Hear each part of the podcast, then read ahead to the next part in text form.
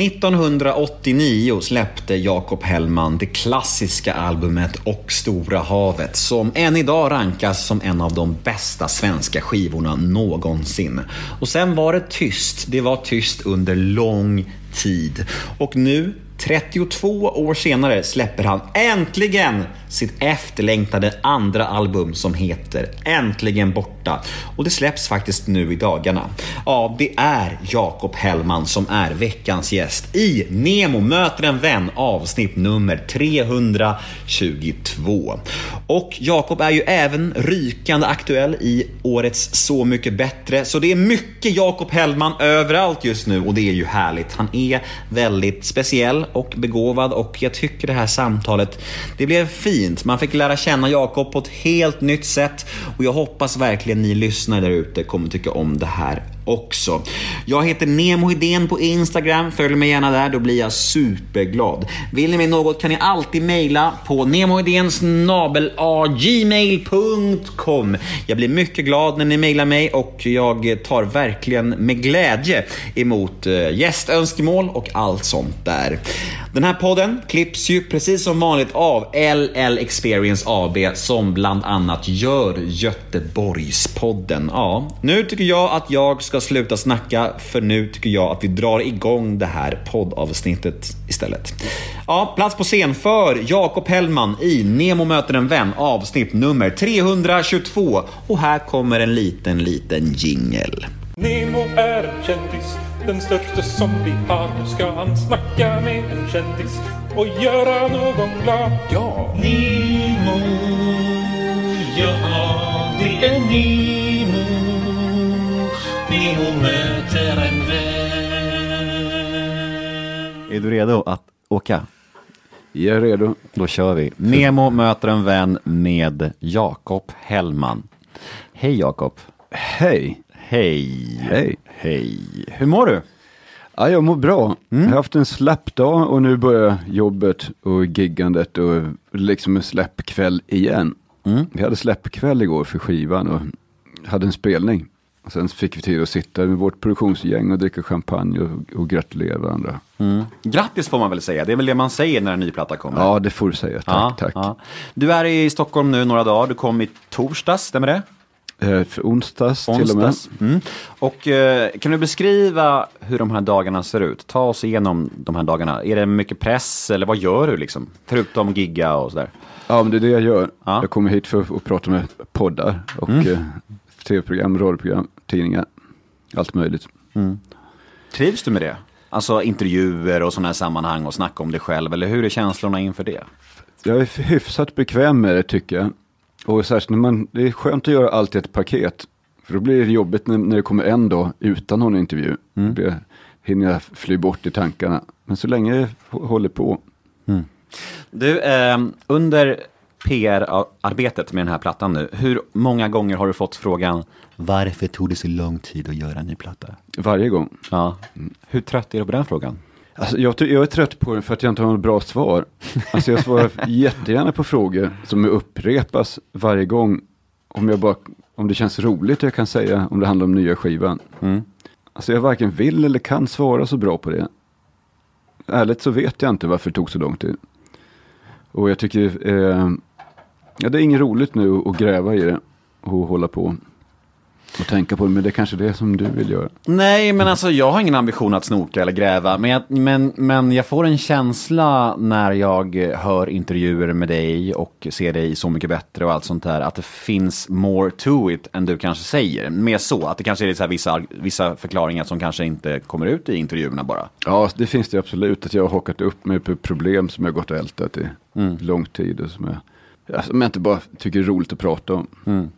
Är det för att det är för privat eller är det för att du bara liksom har lagt det bakom dig? Ja, ibland för att det är för privat och ibland för att jag kommer, kommer tillbaka till det. För jag vill liksom ta det för mig själv eller när jag tycker att det eh, är dags och vid rätt forum. Det är inte så att, Eller din, inte alls. det är inte så att din fru eller... Ja, så kan jag inte reda ut. Alltså man, man får en föreställning om, själv, jag får en föreställning om varför jag inte gjorde en ny platta. Och jag vet inte riktigt vad som är sant av det heller. Antingen så, så kommer det att försvinna och, eller också får jag en klarare bild av det. Alltså frågeställningen kanske försvinner. Att det är ingen viktig sak, varken för mig eller för andra. Eller också så fortsätter det vara en fråga som kommer upp. Och då får jag förhålla mig till hur jag ska svara på det då. Men hur mycket rädslor har det varit inför den här nya plattan då? Eftersom att, jag vet inte, ju längre man väntar med en sån här platta desto mer mytomspunnen blir man ju. Det blir väldigt mycket snack om att, eh, ja men, ja men, din platta har ju rankats som en av de finaste plattorna ever i Sverige. Många, många listor har ju gjort rankingar, riktiga rankingar på sånt. Eh, blir det inte en extra press då på att den nya plattan måste vara bra? Jo, alltså jag tror att jag har tänkt mer än jag vetat om på, eller det har varit viktigare för mig än vad jag vetat om att göra att det ska bli bra. Och inte komma med en, en dålig grej. Men nu när vi har gjort den här skivan så har det varit en ganska lång process. Jag skrev låtarna inför en turné förra hösten. Och då fick jag spela sånger för en publik. Och de fick, och jag märkte att de kom fram. Jag kände att de var eh, låtar precis som de gamla låtarna, att de togs emot. Folk sa det till mig också. Så, så de har spelat så jag har fått respons på dem under vägen. Så, så var det inte så att, att det är bara jag som vet hur det låter, hoppas att det nu är riktiga låtar det här. Utan det har jag varit ganska säker på en, under processen också. Att det finns flera bra låtar. Och att, så därför just för den här plattan så som den blev så har jag inte haft mycket nervositet eller press. Det har varit mycket, väldigt mycket roligt när vi spelade in den. Lite Men- gnissel också. ja, lite så här, efter- ja, det är viktiga saker och vi har haft olika åsikter. Och alla inblandade har velat att den ska vara bra. Det tycker jag är det viktigaste. Inte att man har samma inriktning och så, eller samma åsikt. Men alla, ingen har velat att det ska bli dåligt. Att de bara, ah, men hoppas på att jag får vara med och göra det här. Vare sig det blir bra eller dåligt. Det var viktigt för alla att det blir bra. Men hur mycket, alltså du har väl sista ordet tänker jag. Ja men absolut, kaffe, det gör du helt rätt i, det vore gott. Eh, Din gest med, kaffegesten med munnen. Det är dåligt av mig att inte ha det på gång här, jag fixar det. Men jag vet inte, jag har ju varit här ganska länge, jag ska se. Det är lugnt. Jag, bara såg, jag såg när kaffet står där. Och så tittade jag mig om... Lockade, lockade. Jag kollade efter en kopp Ja absolut. på Var var vi toaletten kanske. Vart var vi? Jo, Ehm, jag, skulle, jag skulle fråga. Eh, Om jag var nervös inför den här jag, jag skulle, jag nya skulle, skivan. Jo, precis. Du var klar. Jag tror du har svarat precis. Och jag skulle, då skulle jag fråga, när man gör en ny platta som du har gjort nu, eh, sista ordet. Alltså, du säger att alla ni var mån om att det skulle bli bra och det förstår man ju. Men hur mycket går ni på din vision och hur mycket lyssnar du in de andra? Jag lyssnar på de andra jättemycket, men sista ordet har, har jag. Om jag säger så att nej, så där vill jag inte det, då blir det inte så. Men sen lyssnar jag mycket så att det, ehm, ibland så känner jag att nej, okej, jag vet inte riktigt. Jag liksom går tillbaka till mig själv en gång till. Om jag, om jag känner att nej, men det, så, ja, så där vill jag inte. Så, så tänker jag efter att hmm, jag har ingen stark åsikt om det här. Kör på det. Det är, det är roligt att det kommer in någon annan som gillar mina låtar och det jag gör. Och, och tar det någonstans lite grann. Mm. Under den här långa frånvaron då, från, eh, från musikbranschen. Nu vet vi ju att du har ändå gjort vissa framträdanden här och där och samarbeten och sånt där. Men eh, hur har du försörjt dig de här åren? Ja, ehm, man får ju lite stimpengar och jag har varit billig i drift. Jag har inte haft någon familj och ingen att försörja förutom mig själv då.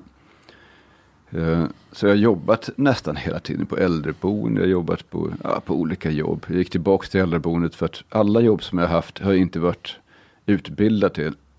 Och eh, det är inte alltid kul att hålla på och göra saker som man kan sådär. Tänkte att vårdbiträde, det är ju rätt bra på, på många sätt. Så varför inte bara gå tillbaka till det?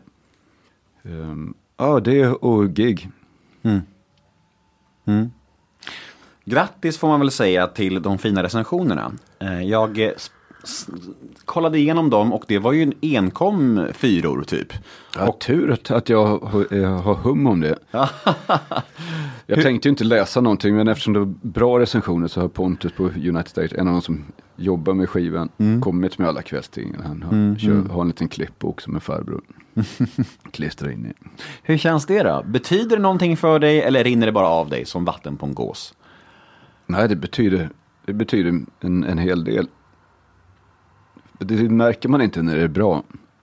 Då, då kan man ju känna att, ja men det var ju bra, det var bra, okej. Nästa fråga. Men man skulle nog bli påverkad om all, ingen tyckte om det. Då börjar man ju svaja och tänka så här, men är inte det här några låtar överhuvudtaget? Så. Men jag har ju som sagt fått rätt så mycket respons innan skivan kom ut. Och singlarna som släpptes. Så. Så även om det här fått ganska dålig kritik så har jag ändå känt att jag vet att det finns några bra låtar.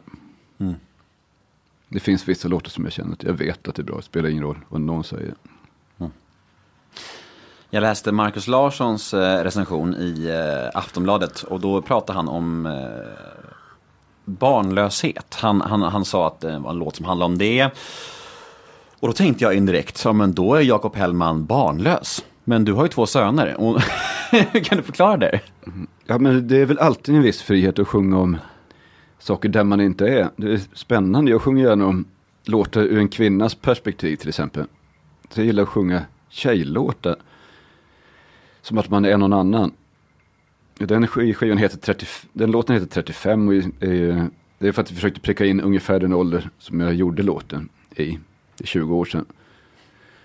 Så den har funnits med ett tag. Och, eh, men den där raden är nog bara för, den är rätt stark för mig. Och, eh, ja men den är bara för att understryka känslan i låten. Det är inte så att låten handlar om barnlöshet. Den heter, den hette förut, det känns som arbete, den heter 35 nu. Så det är en rad i låten. Ja, jag kan inte förklara det känner jag. Det är okej. Det är okej. Du, du sitter och grimaserar som att du blir lite obekväm. Och det är inte meningen alltså. Nej, jag är inte obekväm när jag gör sådär. Nej. Jag är bara så här, nej det kommer ingenting. Alltså, jag vänt, väntar på att jag väntar på att det ska dyka upp någon, någon bra belysande Ja, jag förstår. Men om du skulle försöka beskriva skillnaderna kontra likheterna mellan första och andra plattan. Går det? Ja, det tror jag. Lik, likheterna är nog det att jag och vi känner, vi har pratat om det också, att, vi har, att man har kommit tillbaks till lite och erkänna att mina låtar vänder sig till en ganska bred publik. Jag gillar att, att alltså, man ska fatta. Jag, jag sjunger inte för en liten nisch av specialintresserade. Utan jag vill göra låtar som ens mamma och pappa kan lyssna på. Och, och i någon mån alltså fatta.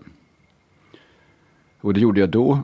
Och, eh, och det gör jag mycket på den här skivan. Så det är en likhet med att jag har varit lite mer indie om man säger i mellanåren. Och inte brytt mig om lyssnaren så speciellt mycket. Utan brytt mig om vad, vad händer med mig själv när jag sjunger låtar. Och det gör jag fortfarande. Men eh, jag tycker inte att det är en motsättning. Vill gärna att det ska nå ut. Och, och känns det är så skönt. En, en riktmärke, riktlinje. Så här, med, och vara tydlig. Och få tillåtelse av mig själv att vara det. Att, eh, att det blir en grundförutsättning. Att man tänker när man gör låtar så här. Vad vill du ha sagt? Gör det då. Så att folk hör. För, för jätteofta så har det varit att folk har missuppfattat låtar. Eller fattat allt för mycket på ett sätt som inte jag begriper. Fast man tycker att man har varit tydlig. Mm. Känns det lite tråkigt att den här plattan kommer i en sån tid när du faktiskt inte kan gigga och möta din publik? Nej, egentligen inte. Tiden är tråkig i sig. Ja, det är tråkigt med i livet att man inte kan träffa sina föräldrar och att de ska gå och vara oroliga. Ja, särskilt de som är gamla. Själv är man ju inte orolig egentligen, eller jag är inte det. Annat sätt att det är opraktiskt att bli sjuk för man kan inte göra någonting. Men för, för plattan så, så passar det egentligen ganska bra att inte turnera förrän nästa höst. Då hinner man skriva någon fler låt så att det inte bara blir en till en turné som bara handlar om den här plattan. Och eh, man får upptäcka nya sätt att eh, gigga på nätet. Som vi gör nu. Nu bor vi på ett hotell och spelar för folk som sitter uppe i rummen och tittar på sina tv-apparater. Och eh, man bara vaknar till av att det är något nytt. Och jag kommer göra så ifrån Palma också. Troligen. Hoppas det. Alltså sända ut spelningar där jag står på nätet. Det andra finns ju också. Det här kommer ju också leva kvar. Men vanliga gig kommer ju aldrig riskera att dö. Flexibility is great. That's why there's yoga. Flexibility for your insurance coverage is great too. That's why there's United Healthcare Insurance Plans. Underwritten by Golden Rule Insurance Company, United Healthcare Insurance Plans offer flexible, budget friendly coverage for medical, vision, dental, and more. One of these plans may be right for you if you're, say, between jobs, coming off your parents' plan, turning a side hustle into a full hustle, or even missed open enrollment. Want more flexibility? Find out more about United Healthcare Insurance Plans at uh1.com. Jag har ju levt i ett par tusen år eller så. Att man möter, att man går och ser, möter varandra på det sättet. Men berätta mer om det här som du sa nu, det här med som sker på kvällarna just nu. Vad är, hur, hur går det till på hotellet där? Där köper man ett, ett paket. Man köper middag och eh, dricka och sånt. Man sitter fyra stycken i varje rum. Så kan man komma i sällskap på fyra eller också placeras man med, med två andra. Men man informeras om det så man vet att man får sitta med två andra. Sen eh, spelar och sjunger jag och Jonathan. Gitarr, piano och sång. Från undervåningen där vi har riggat. Så att det är bra ljud och, och vi har medhörning. Och, sitter sex personer där och applåderar. Och nu visar det sig att de stampar i taket istället för att applådera. Det var ju genialt. Så jag hör ovanifrån. Hur väljs det ut vilka sex som får bli de lyckliga framför scenen? Ja, men det är oftast de som har jobbat med skivan. Det är liksom det som, folk som man känner. Ikväll så är det min syrra och hennes man. Då. Hur många går in på hela Inte en spektaklet? susning faktiskt. Men jag vet att det finns biljetter till i mm, eh, söndagen. Men nu kommer det här sändas På måndag. På måndag, så då är det för sent att tillgodogöra sig den Det finns, informationen. biljett, det finns biljetter till, tills igår, om Ja. ni undrar. ja, men eh, lycka till. Det låter ju som en grym lösning på det här märkliga problemet som heter corona. Eh, Ja, vi har inte löst hela coronakrisen med, Inte? men vårt eget lilla problem i alla fall. Ah, jag, var, jag är besviken, jag trodde ju det. Men men, vi, vi går vidare och vi ska leka en lek som jag har döpt till associationsleken. Jag försöker väl. Ja, du har inget val. vi kör. Associationsleken. Mallorca. Hemma, ett, ett till hem, det är roligt att ha ett till hem, så känns det för mig med Mallorca. För jag bor ju där. Och eh, jag har, fler, jag har Voller i, i norr, i Lappland, jag har Falun, mitt i Sverige, Stockholm, hemma, Malmö, Bunkeflostrand hemma, Palma hemma. Har du liksom boenden överallt? Nej, det har jag inte. De andra ställen har jag bott på. Jag har boende i, i, Bunkeflostrand i Malmö.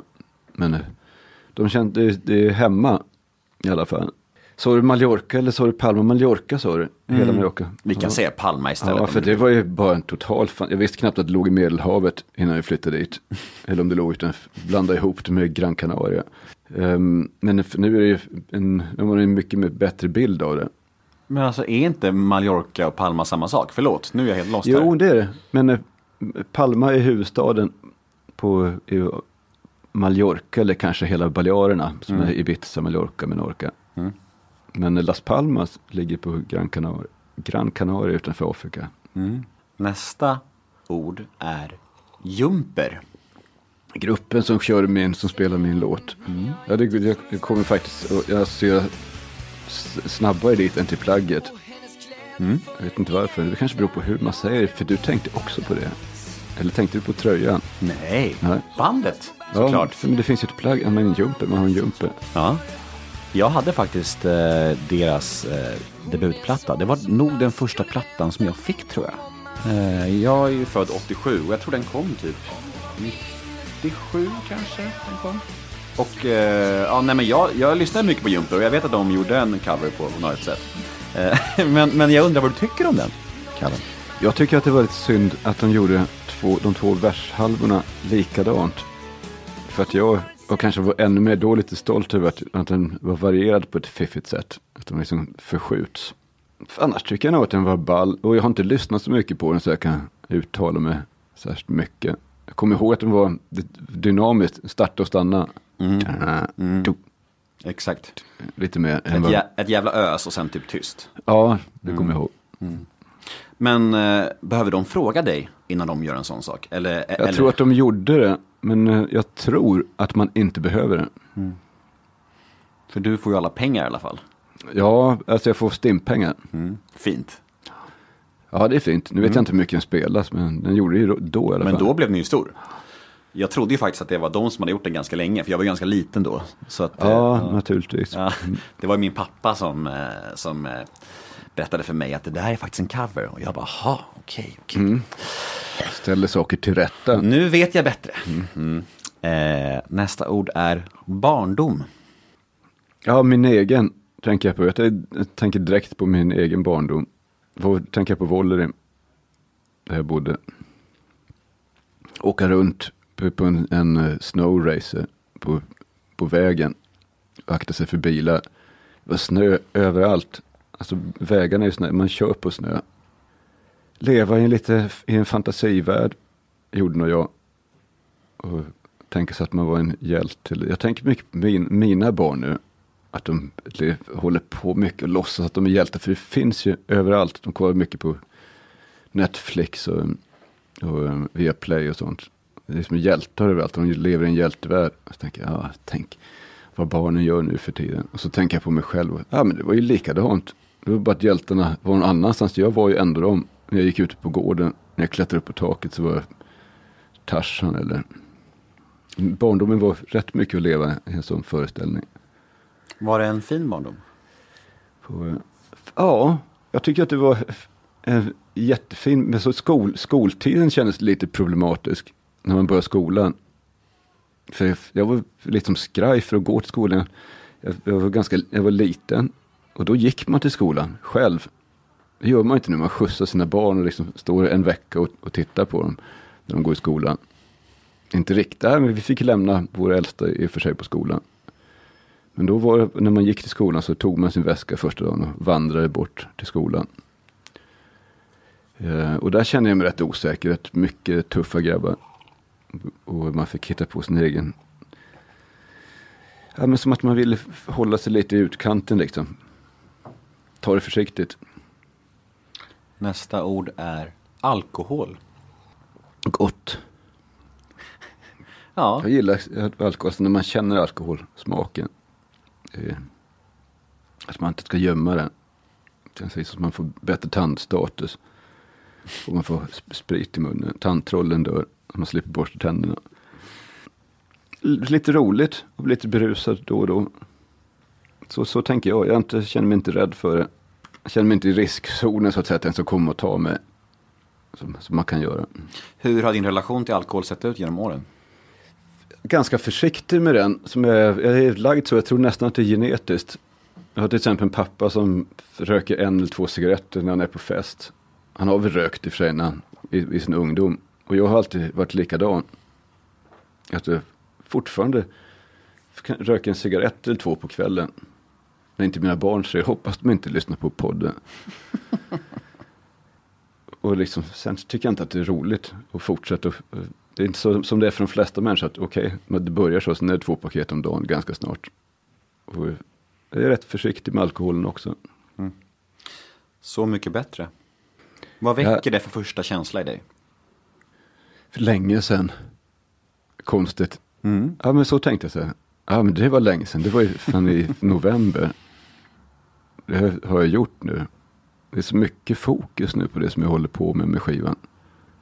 Men eh, lättad att jag kom att jag tyckte att jag var, att jag, att jag fixade det. Utan att det blev krångel Jag liksom blev så deppad så att jag åkte därifrån. Och, och eh, att folk är så glada att se det. Och sen så verkar det ibland som att folk gillar att se mig, mina fel. Som att jag får ge ansikte åt att vara mänsklig. Så här, ja, men det var så mänskligt. Det är dina framtiden Och så tänker jag så här, vadå mänskligt? Är det för att jag inte sjöng, sjöng lite falskt eller? Men, eh, så det är lite tveeggat. Men det är också bra att lära sig. För att det fanns en sång som jag inte tyckte jag sjöng bra. Och eh, det tyckte jag inte heller riktigt när jag hörde på programmet. När de släpade mig till tvn. Och jag tittade på programmet, det blev skitmysigt. Liksom när jag satt med min familj och hade telefonkontakt med, med lite kompisar. Och kände att ja, men det, det kanske är så att, att det inte var min, min bästa insats precis. Men att jag ändå fick en god känsla av programmet. Att ja, det är okej. Det kändes, eh, som åskådare av programmet, så kändes det som att det var Jag kan fatta att det blir lite drygt när folk ska säga så ja ah, men det är så mänskligt och att du blir något ansikte utåt för det. Men jag tror mycket handlar om att det du var så tydlig med dina känslor över dina prestationer. Att du var, kunde vara så nöjd och glad när det, när, det, när det flög. Och sen så var du, när det kanske inte riktigt, riktigt eh, flög, så, så visade du det. Medan andra artister var mer så här, de visar inte det liksom. Och jag tror inte det krävs så mycket i ett sånt sammanhang som Så mycket bättre. För att man ska få den liksom, titeln, att vara den mänskliga eller den som sticker ut lite. För ganska mycket är ganska slätstruket där. Folk är ganska, de är ganska lika varann. Och då krävs det inte mycket för att sticka ut alltså. Det räcker med att vara lite Jakob Hellmansk så är man plötsligt den som sticker ut jättemycket. Och, och, och det sjuka är att, alltså jag hade en tanke om det här, för det var så intressant när jag snackade med dem här innan i studion. att man tror ju, när man ser på Så mycket bättre, att du ska vara värsta kufen. Att du ska vara jättekonstig och, och så här, ja men han kommer vara värsta originalet och jättespeciell. Så träffar man dig och du är ju inte alls så himla kufig eller konstig eller du är som vem som helst egentligen. Men det är bara för att du har Ja, i många avseenden. Ja men jag tycker det, Och men, men det är bara för att i Så mycket bättre så har du stuckit ut för att de andra är jag vill inte säga platta, för det är så taskigt, men det blir, de andra är så lika varann och du är lite, lite annorlunda och då blir det jättemycket annorlunda. Förstår du vad jag menar? Ja, ja, jag förstår exakt vad du menar. Mm. Men eh, jag kan säga att det, det känns inte bara, alltså det är posit, jättepositivt också, det där att folk har sagt så, att, att um, jag visar upp en mänsklig sida. Att, uh, på något sätt att, att det var skönt att se mig där i programmet. För mig att upptäcka att men jag kunde det. Jag, jag kunde liksom vara mig själv på ett sätt som inte får folk att bli obekväma och inte mig själv heller när jag tittar på det. Så jag var liksom glad över den förmågan. Mm. Och eh, en Som annan jag inte var helt säker på. nej, men en annan grej jag tänkte på i programmet, det var att du såg väldigt vältränad ut. Du såg eh, bra hållning och ganska muskulös ut. Är, tränar du mycket eller? Nej, nej det gör jag inte. Jag bara glömmer att äta. Jaha, det är det som är knepet alltså? Jag tränar, jag springer ibland. Mm. Men det, kan vara uppehåll på en månad och, och så, så springer jag några dagar. Mm. Jag har aldrig tränat. Varför var du då med i programmet? Var det bara så att de kom med en säck pengar och sa Här Jakob, nu ska du vara med? Eller var det bara så att du kände att det var en bra PR-grej inför plattan? Eller hur gick resonemanget? Jag tänkte inte egentligen. Vi hade pratat om det redan något, något tidigare år sådär att ja, vill, vill du göra det eller känns det jättejobbigt? Det är Pontus på bokningsbolaget då igen som, som hade kontakt med dem. Så, Du har fått frågan förut. Ja, inte en, inte en rak och riktig fråga, men det var lite på tal när Jenny Ace of Base inte visste om hon skulle vara med, tror jag. Något sånt där. Hon kom med till slut och då blev det inte aktuellt. Men, men nu det här året så, så ja, jag bara bestämt mig för att säga ja till saker om de inte är direkt obehagliga. Och det tyckte jag inte att det var. Det var roligt och det var ju dessutom lite pengar och, och skulle passa bra med skivan och skivkontraktet. Det var inte lika mycket pengar som jag trodde. Hur mycket pengar var det? Nej, det behöver man inte säga. Va? Varför är det så i Sverige? Varför ska det vara den heliga kon? Att man inte får prata om det? Jag vet inte faktiskt. Så jävla larvigt egentligen. Vad kan jag ha fått då? 100 papp? Ja. Någonting sånt. Plus minus 20, 30. Hur mycket skiljer sig gagen? Ja, jag, jag tror att det är ganska lika för man, vi, vi, mm, han, Pontus som agerar som min agent fast han inte får betalt som det. Han är egentligen bara på bokningsbolaget som, som gör sånt där. Han kollar väl upp lite vad de andra har fått. Och, du vet, fråga, försöker förhandla lite. Men sen, ja men så får de andra, okej det är det som är normalt, då får man det. Sen finns det antagligen vissa som de jättegärna vill ha. Som bara, ja men jag ställer upp om jag får tredubbelt. Jaha okej, då får du. Vad vet, det där vet jag inget om. Min fördom säger ju att Tommy Körberg får mer betalt än typ Anna Diaz. Det är vad jag tror. Ja, det är, det är väl mycket möjligt. Om han säger, om de jättegärna vill ha honom. Men jag tror att de har sökt honom varje år. Ja, Ja. Jag tror att han var något så här drömnamn. Det har jag hört på mina, mina, mina källor, säger det. ja. Ja. Ingen aning, det kan bara vara spekulationer, vi vet inte. Eh, sista frågan om Så mycket bättre. Vem kom du närmst i gänget? Eh, Jag gillar det. Jag har fått den frågan förut och sagt olika namn och så tänker jag så här, nej men jag kommer nog närmast den, jag kom nästan allihopa. Helen känner mig ganska nära fast vi inte pratade och umgick så mycket med. Eh, Alex Newkid hade man liksom kul och, och enkelt och trevligt att umgås med. Någon som man satt och pratade mest med det var nog Marcus och Plura och Anna Diaz. som var kärngänget. Det var de som satt ute på balkongen och tog några extra bira på kvällen. Man Helen. behövde prata av sig. Jag noterade att du var lite, kan man säga betuttad i Helen Sjöholm? Att det var lite så här, nej men du, du var lite så här, det, var, det pirrade lite i dig när du såg henne. Kan man, kan man säga Ja, det? men jag tror nog att jag snarare var lite starstruck. Ja. För hon var väl ja, men den som jag hade sett upp till innan ganska mycket. Och, jag, och varför jag säger det är för att jag håller med, för att jag tycker att hon är, hon, hon, hon är ju otrolig alltså. Hon har en sån otrolig utstrålning och hon ser så himla häftig ut. Alltså, man, man blir ju kär i henne bara man ser henne. Alltså hon ser ju ut som en million bucks, tycker jag. Ja, ja man förstår precis hur, hur det kändes för Björn och Benny att hitta henne från början sådär. att Det var liksom, Wow. och när hon måste ha gjort sin audition så kan det ju inte ha varit, då kunde de andra gå hem. Verkligen. Ja, verkligen. Ehm, nästa då är ett namn. Magnus Carlsson. Ja men du associerar till bägge Magnus Carlsen, vet inte, hamnar någonstans i mitten där. Han Nej, vi, vi, vi väljer Weeping Willows Magnus för att min pappa spelar klaviatur i Weeping Willows. Ja, Har gjort det i många år, så jag har en relation till honom mer. ja men det har jag också. Jag känner honom lite grann, den andra känner jag inte alls. Nej. Det är bara att, jag, att det är roligt att det finns två stycken Ja, jag vet. artister Men jag tog, heter- honom, jag tog honom för att vi har en gemensam nämnare där. Så jag tänkte att du kunde få berätta lite om din relation till honom. Ja, jag tycker han är en fantastisk sångare. Så det är väldigt, liksom, i alla fall formellt blygsam med sin talang eller förmåga då, att sjunga. Han kan göra det, han kan gå upp liksom på en bardisk med maracas och få folk att lyssna på honom. Ehm, ja, det associerar jag till. Han är en, en trevlig kille också. Som alla vet som har, har mött honom sådär. Ta hand om, ta hand om en jättemycket. Man har varit på middag sådär. Så man, man fattar nästan på en gång att han är en sån där som lagar god mat. Och, vet. Kriser slash svackor. Vad tänker du på då?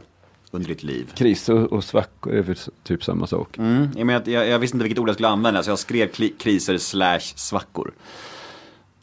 Ja, jag, jag, jag tänker att, att man, man f- målar upp, särskilt i sådana här intervjugrejer, så, så vill man gärna ordna upp, ordna upp det lite grann och det är lite sant. Då är min stora svacka liksom från slutet av 89 och sen så har det gått uppåt liksom kontinuerligt hela tiden.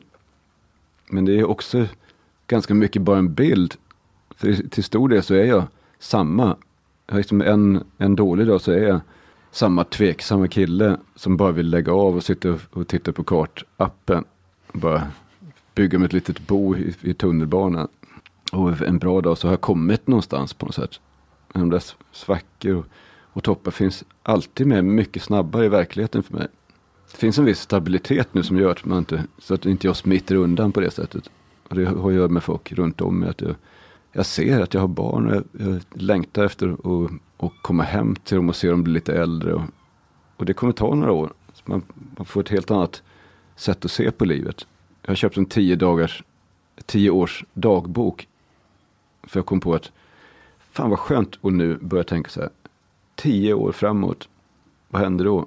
Om man tänker på allting i ett tioårsperspektiv, så, så kan jag göra, så, så eh, känns det som man lever på ett bättre sätt. Har en, liksom, siktet någon annanstans i ett längre perspektiv. Jag kommer lite ifrån svackor och sånt. Men, Det är ju det som är det fina med podd, va? Du får sväva iväg hur mycket du vill. ja, men det är det som är associationer. Mm. Det, mm. Exakt. Pengar. Så, ja, jag skulle gärna ha, vara lite före Skatteverket någon gång i livet. Eh, Så ehm, det känns ju skönt. Nu vet jag att jag har en turné. Jag kommer få betalt för det. Jag kommer kanske få lite stimpengar och sådär. Ja, men det känns lite skönt att ha det där och veta att ja, men nu bidrar jag med någonting till den här familjen som är, som är min också. Terapi. Spännande. Jag har inte gått i terapi. Aldrig. Alltså någon gång när jag hade, när jag hade någon sån här konstig svacka. Någon, eh, fast jag, för jag har inte, jag har inte hållit på med, med narkotika så mycket i mitt liv. Men någon gång när jag provade att röka på helt ensam i Spanien så, så, blev, så blev jag så jävla rädd för saker och ting efter det. För det gick, in, det gick inte så bra. Så att det här är bra grejer. Så här, ja, men klart man inte ska testa bra grejer när man är helt ensam på främmande ort. Om man nu överhuvudtaget ska pröva på sådana saker. Så att, då fick jag till någon psykolog för att liksom förklara hur det kändes. Och hon förklarade för mig att du är nog rädd. Mm. Och sen har jag, ja, men några, några gånger har jag varit inne och snackat med någon liksom, när jag mått dåligt. Men in, inte tagit, jag har förresten gått till psykologen. Det har jag. Nu har jag glömt bort. Eller förträngt. Men eh, nej, mest glömt tror jag. För att man har levt länge. Ehm, men eh, det har, aldrig, liksom, det har aldrig blivit så bra så jag har velat fortsätta under en längre period. Det har varit okej människor som jag har gått till, men det har, liksom, det har ebbat ut. Du vet, så när man känner sig lite bättre, som nej, jag behöver nog inte gå dit. Kostar skit, mycket pengar också. Om man inte kommer ner så att man kan få, få det subventionerat. För att man, Nu är du ändå inne och eh, nosar på nästa punkt. Det är ju lite ironiskt med tanke på att de, ja, det var liksom nästa punkt oavsett. Och det är droger. Eh, ja, men det är, det är, jag är en försiktig och ganska rädd kille tror jag. Eller försiktig kanske bättre nu för tiden. Jag kanske börjar med droger när jag är riktigt gammal så jag inte har så mycket att förlora än. Men det känns som att som jag ska inte göra det. Men har du haft en period där du har varit liksom curious? Ja, men jag är fortfarande lite curious men jag har inte provat. Nej. Nästa punkt är offentligheten. Vad har du för rela- relation till offentligheten? Ja, men det är väl de andra människorna. Det är bara många. De flesta har ju ingen relation till alls. Jag tror att jag får en annan relation nu. För att jag har märkt att nu eh, är det inte bara musikintresserade som känner till mig. Utan det kommer människor som är, har tv. Som vet vem jag är. Så att jag har blivit liksom känd igen. Det är med så mycket bättre. Och det var ju inte alls något svar på din fråga. Vad det betyder för mig. Ehm, offentligheten. Men det är bisarrt, det är bara folk. Det är bara många. Men många människor, det är klart. eh, att det finns något tveeggat med att jättemånga människor känner till en. Eh, de älskar när det går bra för en, men de, kommer inte att ta hand om den om, en, om det går dåligt för en. Eller om man gör bort sig eller framstår som en dålig människa i deras ögon. Då får man ta hand om sig själv. Det, om det går bra så hjälper de en. Så tror jag att det är. Du, eh, nästa ord är eh, ett namn. Och eh, varför jag säger det här är för att jag noterade någonting under Så mycket bättre som jag vill ta med dig. Som jag, eh, kanske är det en övertolkning av mig, men det kändes som att det fanns någonting här som jag vill att du ska utveckla. Och det är Perssons pack. Och det var, eh, det kändes som att det fanns lite gurgel mellan er där. Att det fanns liksom more to it i er historia. Att liksom ni inte det inte hade varit helt friktionsfritt mellan er. När han kom och körde med Plura där och att du inte bara var glad liksom. Eller är det en Ja, övertolkning? Nej, det är andra som har, det är andra som har sagt det, eller också uppfattat det så. Men jag känner mig faktiskt bara glad. Så att lite, lite är det jargong som vi alltid har haft. Att, man vet inte riktigt, jag vet inte riktigt vad jag har honom ibland. Det är så att jag, han har inte svarat eller ringt upp eller du vet. Och man har tänkt så här, är han skitsur för att jag aldrig svarar i telefonen eller. ehm, jag tror att det är båda våra läggningar. Jag vet inte riktigt vad jag har honom. Han vet inte vad han, vad han har mig sådär. Och så är det med andra också, att man kan inte riktigt tolka ens uttryck. Man, jag vet knappt själv när jag skojar och definitivt inte när Persson gör det. Man vet inte när han skojar, han kan vara rätt grov och jobbig mot eh, vissa människor.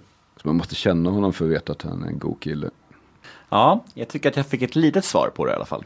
Ja, men vi är inte osams på något sätt alltså. Nej, bra. Ja. Carolina. För, för min fru. Jag, jag associerar namnet Carolina bara till min fru numera. Jag är så glad att jag har en tjej hela tiden. Som, jag- som jag vill åka hem till. Och, som sitter där och väntar i Palma nu. De har precis åkt. Någon som man kan, ja, man har en liksom instans för hela sitt liv också. Som jag kan prata med saker som, som, fatt, som är, man åker härifrån och har snackat om, om mycket med alla mina kompisar här. Med en annan sida av sig själv med er som poddar och, och frågar. Och så har man något helt annat som jag, som jag har med henne. Det kan vara liksom mig själv mera också. Är det stor skillnad på den eh, Jakob som kommer hem till familjen och den som sitter här? Inte, inte, nej, inte så jättestor skillnad tror jag. Man tillåter sig att göra mer, man tillåter sig att falla ihop på ett annat sätt. Va? Och tyvärr så kan man vara lite sur också på ett annat sätt. Som man inte är med. Nu är jag i offentligheten, även fast vi sitter bara du och jag. Och, eh, och, men det är fint att ha någonstans där man kan falla ihop lite också. Åldrande. Nej, det är inget för mig. Jag tänker, inte bara, jag tänker bara inte hålla på med det. Precis som döden. Jag, jag tackar nej. Kan man det? Vad skönt. Ja, men de flesta tror ju inte det. Jag, jag, jag tycker inte om sådana här, sån här, som att det här och det här och det här måste du göra innan du dör. Ja, det, är liksom, det är någonting som är fel med det sättet att se. Jag kan inte säga riktigt vad det är för någonting. Men eh, att felet är att man liksom ser fel på sig själv som individ. Okej, okay, varför ska jag göra alla de här sakerna? Varför ska jag, ska alla de här sju miljarderna människorna hoppa fallskärm liksom och, och göra det, åka till, klättra i berg. Vad, fan, vad håller alla på med? Ska alla sticka iväg och göra 300 saker och sen dö? Och, eh, ah, det är bara en felberäkning. Det handlar inte bara om mig. Jag är en del av alltihopa. Fint. Intressant spaning. Det där är fan, du, har något, du är något på spåren där. Det är, Ja, jag hoppas det. varför har alla liksom samma, i princip samma bucket list? Att man ska göra saker innan man dör. Vad är poängen med det? Varför liksom, varför, och hur mycket är det människors egentliga drömmar och mål? Eller hur mycket är det liksom en social konstruktion av vad folk bara ska göra? Ja. Egentligen är man kanske lite vilse och vet inte. Exakt. Man bara följer strömmen Jag liksom. vet inte vad, man, vad, som är allra bäst att göra med sitt liv. Det tycker jag är en bra attityd. Jag vet inte riktigt. Nej. Det väcker också nyfikenhet. Mm. Och, eh, Nej, men sånt där är svårt tycker jag. Jag tycker sånt där överlag är svårt. Det är liksom även med, med att skaffa barn och allt sånt där som man i situationstecken ska göra i livet. Hur mycket är det grejer man verkligen vill göra och hur mycket är det grejer som man bara gör för att alla gör det liksom.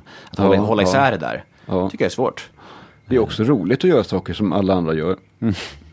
För, för att skapa en viss gemenskap. Och man, man liksom fattar vad folk håller på med. Lite grann, men det är ju inte modigt. Eh, Men det är trevligt. Och eh, man, man är lite på säkra sidan om man gör ungefär som alla andra. Så går det inte helt åt helvete, i alla fall inte ensam. Nej. Utan då har man lite sällskap så här. Vet, om man ja, men gör, liksom va- vaccinerar sig ungefär som alla andra gör. Ja, men då drabbas man av samma som alla andra. Man står inte där själv. Jag brukar, om jag inte vet, ja, men jag gör som de andra. Jag gör som de andra gör. Vi är i alla fall fler som får narkolepsi sen. Det är lugnt. Det är inte, det är inte bara jag. Ja, nästa, nästa, nästa ord är Man törs inte hosta nu nästan. Sätter bara kaffe till halsen. Du, alltså att hosta på tunnelbanan, det är... Ja, det var he- hemskt alltså. Man vågar inte. Jag satte någonting i halsen, jag tror det var igår eller idag. Och jag, och jag, och jag ville inte, jag kunde inte hosta för jag visste att alla skulle bara liksom... Ja, nej, det var hemskt alltså. Usch. Så jag Försvinna från det. verkligen. Nästa punkt i den här associationsleken är ditt utseende. Vad tänker du om det? Ja, men jag vill gärna tro att jag är snygg och proportionell. Jag är ju ganska liten liksom. Allting på mig är hyfsat litet. Men det passar ihop. Och, eh, så att jag blir snygg på bild som en riktig karl. Utseende har... Jag skojar mycket med min... När jag är, är på, på bild i media och på skiva nu och i tv. Så eh, tycker jag det är roligt att leka med och, och med det sätt som jag ser ut på och som jag är och rör mig. Och, och tänka på att man är snygg, snygg och sådär. Men jag tycker att det är lite fånigt att, att göra det i verkligheten. Som går och tänka, titta sig i, i, i um, skyltfönster och ko- kolla om håret ligger rätt. Skämmigare att folk ser att man gör det än vad det är viktigt att se om det verkligen ligger rätt. Så jag är fåfäng där också, men försöker. Men jag tycker inte att det är så klädsamt, klädsamt att vara fåfäng. Fyndigt. Faderskap. Ja, det är man ju inne i. Och man blir inte en helt annorlunda människa direkt utav det. Barnen är inte, de är inte klara när de kommer ut. De, är, de fattar ju inte allting, ens när de är sju och tio år gamla. Ja, men om man har barn så jag tycker det är lite slående. Jag tänker okej när de är små då kan de inte prata och då kan de inte tänka och knappt äta och, och någonting. Och sen så lär de sig det själva och då är de människor. Men allt det där går ju successivt, de förstår mer och mer och förändras mer och mer. Det här är inte faderskap riktigt, men det är barn. Jag trodde att jag skulle vara bättre pappa än... Att jag tänkte alltid mig själv som en... Ja, men jag kommer bli bra pappa, jag kommer inte göra de misstagen och inte vara så här... Du vet, som, som vuxna kan vara mot barn, att de inte riktigt fattar vad de vill eller lys, ork, orkar lyssna. Men eh, det, det kommer det också. Eller jag menar, jag blir, man är lite sämre pappa än vad man... Och jag trodde att det skulle vara, man orkar inte lyssna hela tiden. Nej, det är omöjligt. Man blir helt... Jag har en tjej som är snart fyra år och eh, hennes mun går i ett. Alltså, all vaken tid så, så tjattrar hon. Och, och då kan jag bli lite så här, när jag inte orkar lyssna på henne eller när jag säger så här, nu får du, nu måste du, nu får du, nu får du vara tyst ett tag, nu får vi lugna ner oss så här, eller något sånt där. Och i samma sekund som jag säger det till henne, att jag säger något i stil med det, så, kan, så sköljs jag bara över av sånt jävla självhat. För att jag inte har det tålamodet som jag vill ha. Jag förstår vad jag menar? Ja, jag förstår exakt vad du menar. Jag, har- jag, också, jag har två barn som håller i låda ganska mycket, men särskilt en som pratar oavbrutet, som berättar hela plotten i en film och följer efter den från rum till rum och fortsätter och gör det och inte riktigt eh, känner av sådär om man har något annat som är viktigt att hålla på med. Men eh, alltså man behöver inte känna sig dålig för det. För att barn behandlar en också. Om en vuxen skulle hålla på sådär, som, som barn gör, och behandla en så, så skulle man ju bara be dem gå. Så här, så här, gå hem nu. Fullblodsnarcissist. Bara snackar om sig själv och sina... Ja. Så tänk, tänk på det också. Fan vad lite vänner en sån människa skulle få. ja, nästa ord är integritet. Ett fint ord. Ja, ett fint ord. Som jag tänker att, ja, jag har så tre bra tankar om integritet. Och jag hoppas att jag inte har missförstått hela begreppet, för jag har ju gått i en villfarelse hela livet. Men jag tänker att integritet för mig är att, att man själv processar saker och ting. Och när man säger saker så kommer det från mig. Inte att det bara, motsatsen till skvaller. Skvaller är sånt som man har hört och för vidare utan att, att behandla på vägen. Men integritet är liksom förmågan att, att man säger det utifrån sig själv. Och så tänker jag att ibland misstar man integritet med att man är förtegen med saker. Men en, en människa som är tystlåten och, och hemlig är också en människa med stark integritet. Fast det kanske är, är tvärtom. Att om man, om man måste vara förtegen och, och tyst så beror det på att man måste försvara en ganska bräcklig integritet.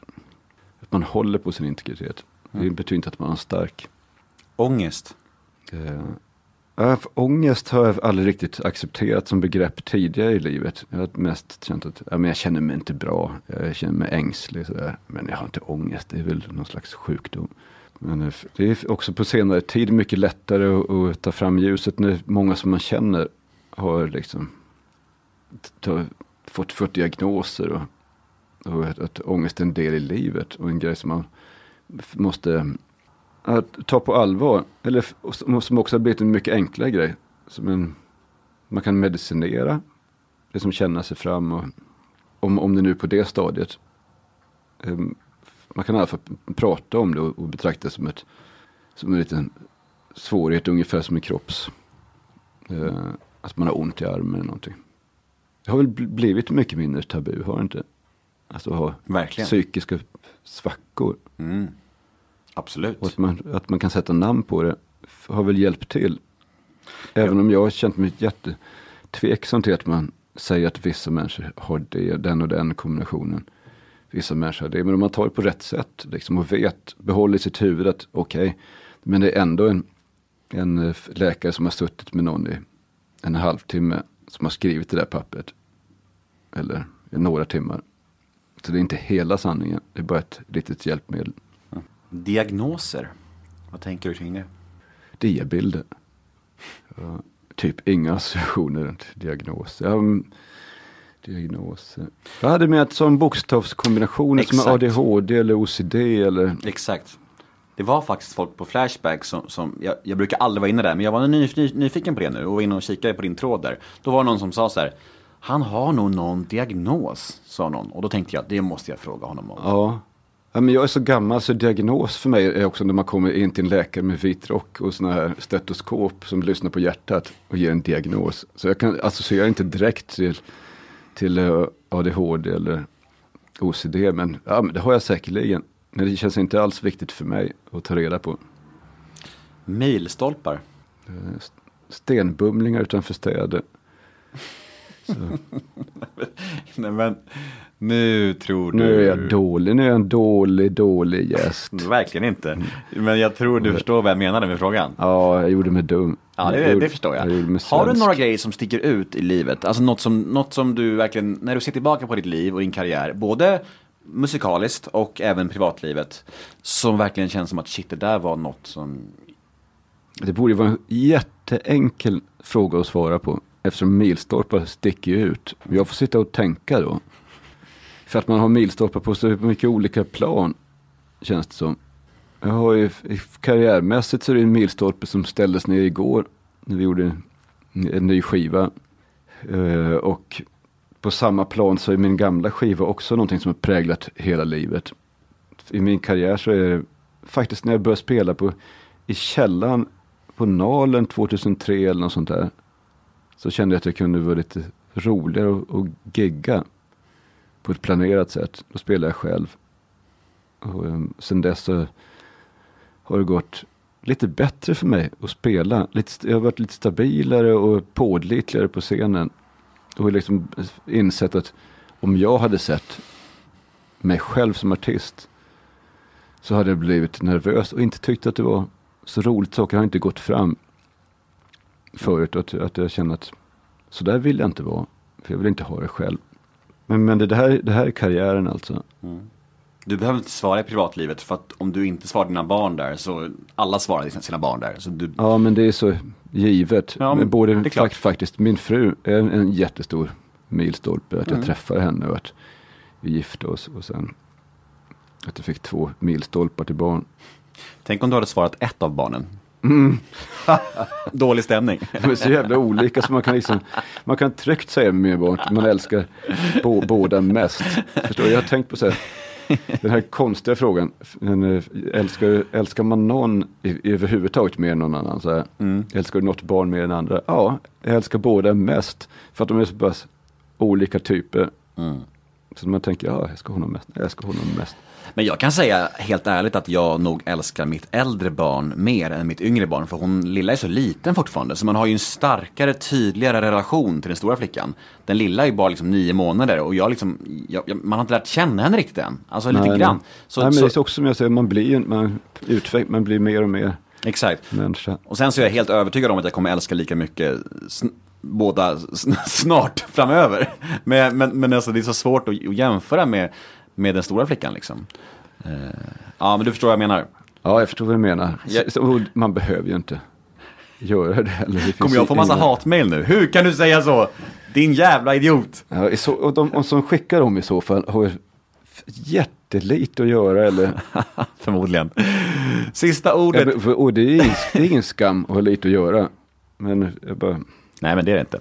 Sista ordet i associationsleken är framtiden. eh, framtiden finns. Eh, är ganska, eh, liksom, som en positiv sak. Det är nog också därför jag inte känner det här med döden som något hot. Jag känner att ja, men det går rätt bra för mig nu. Så då tänker jag inte på det. Eh, jag tänker mig att jag fortsätter som, eh, som artist. Och att jag vill skriva låtar, spela in låtar. Mer än förut så tänker jag nog så. Jag kommer att spela in en skiva om tre år igen. Eh, och fortsätta vara nyfiken på hur man gör det. Det finns, finns många, många sätt som vi inte har gjort på den här skivan. Som jag vill prova. Avslutningsvis så ska vi damma av några snabbfrågor. Är du med på det?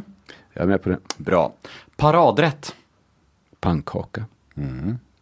Är det din specialitet? Ja, skulle jag nog säga. Mm. Vad missbrukar du?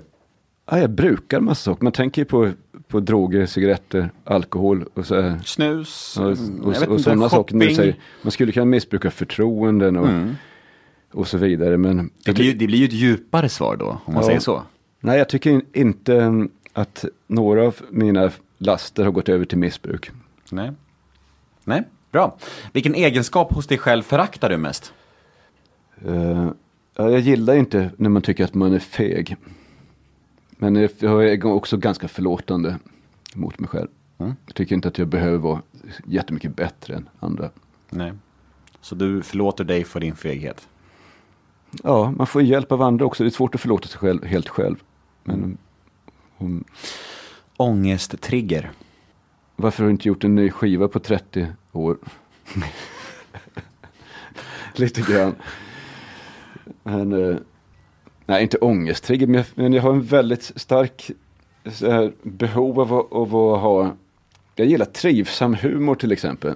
Jag tycker det är lite jobbigt med, med, med jobbiga, jobbiga grejer. Jag gillar att det ska finnas något som är familje, familjekänsla i, i tv-program och sånt. Att man ska känna att ja, men här kan jag titta på tillsammans med mina föräldrar eller mina barn. Eller, Det låter som att din ångesttrigger kanske är obekväma situationer. Lite grann. ja, Ja. ja.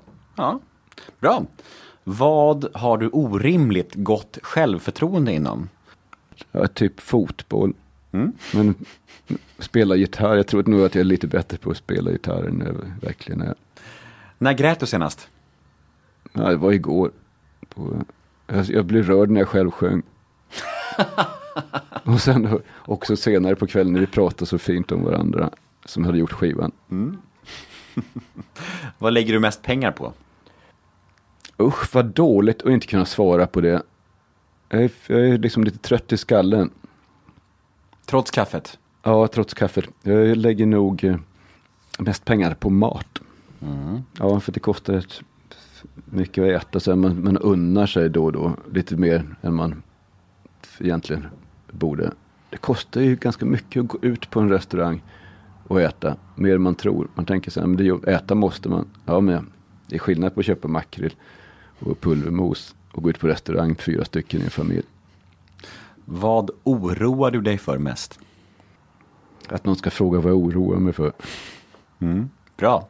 Vad tror du andra människor tänker på när de tänker på dig? Då menar jag både som offentlig person och dina privata kompisar. Jag, jag, vet inte. Jag hoppas att de får liksom en, en skön känsla av att det vore kul att träffas. Och... Ta nästa fråga så kommer vi tillbaka till det. Nästa, Är, är det okej eller bara... nästa fråga är ju sista frågan. Mm. Och det är, vad kommer du aldrig förstå dig på att andra människor tycker om? Ankleverpaté. Specifikt ändå. Det är nästan det enda jag inte tycker om. Surströmming är väl äckligare, jag eller? eller också råkat på någon som inte var riktigt bra. Du vet. Det låter så kul. Det är så här, "Nej, jag råkade på riktigt dålig ankleverpaté nyligen. Ja, Så jävla udda. jag tänker på förra frågan vad jag skulle, skulle vilja att, mina, att folk associerar med mig själv. Nej, Jakob nej, vad du tror snarare. Ja, vad- Att, att, vad, vad, vad, vad du tror att människor tänker på när de tänker på Jakob Hellman. Ja, men jag tror att de tänker på att jag är lite finurlig. Mm. Du vet, lite, lite så här hemlig. Mm, det tror jag. Och så tänker de väl en platta förmodligen på 30 år. Många tänker så också. Ja, ja. Mm. Men jag hoppas, alltså särskilt med folk som man känner att det inte, att, att det finns något mer. Mm.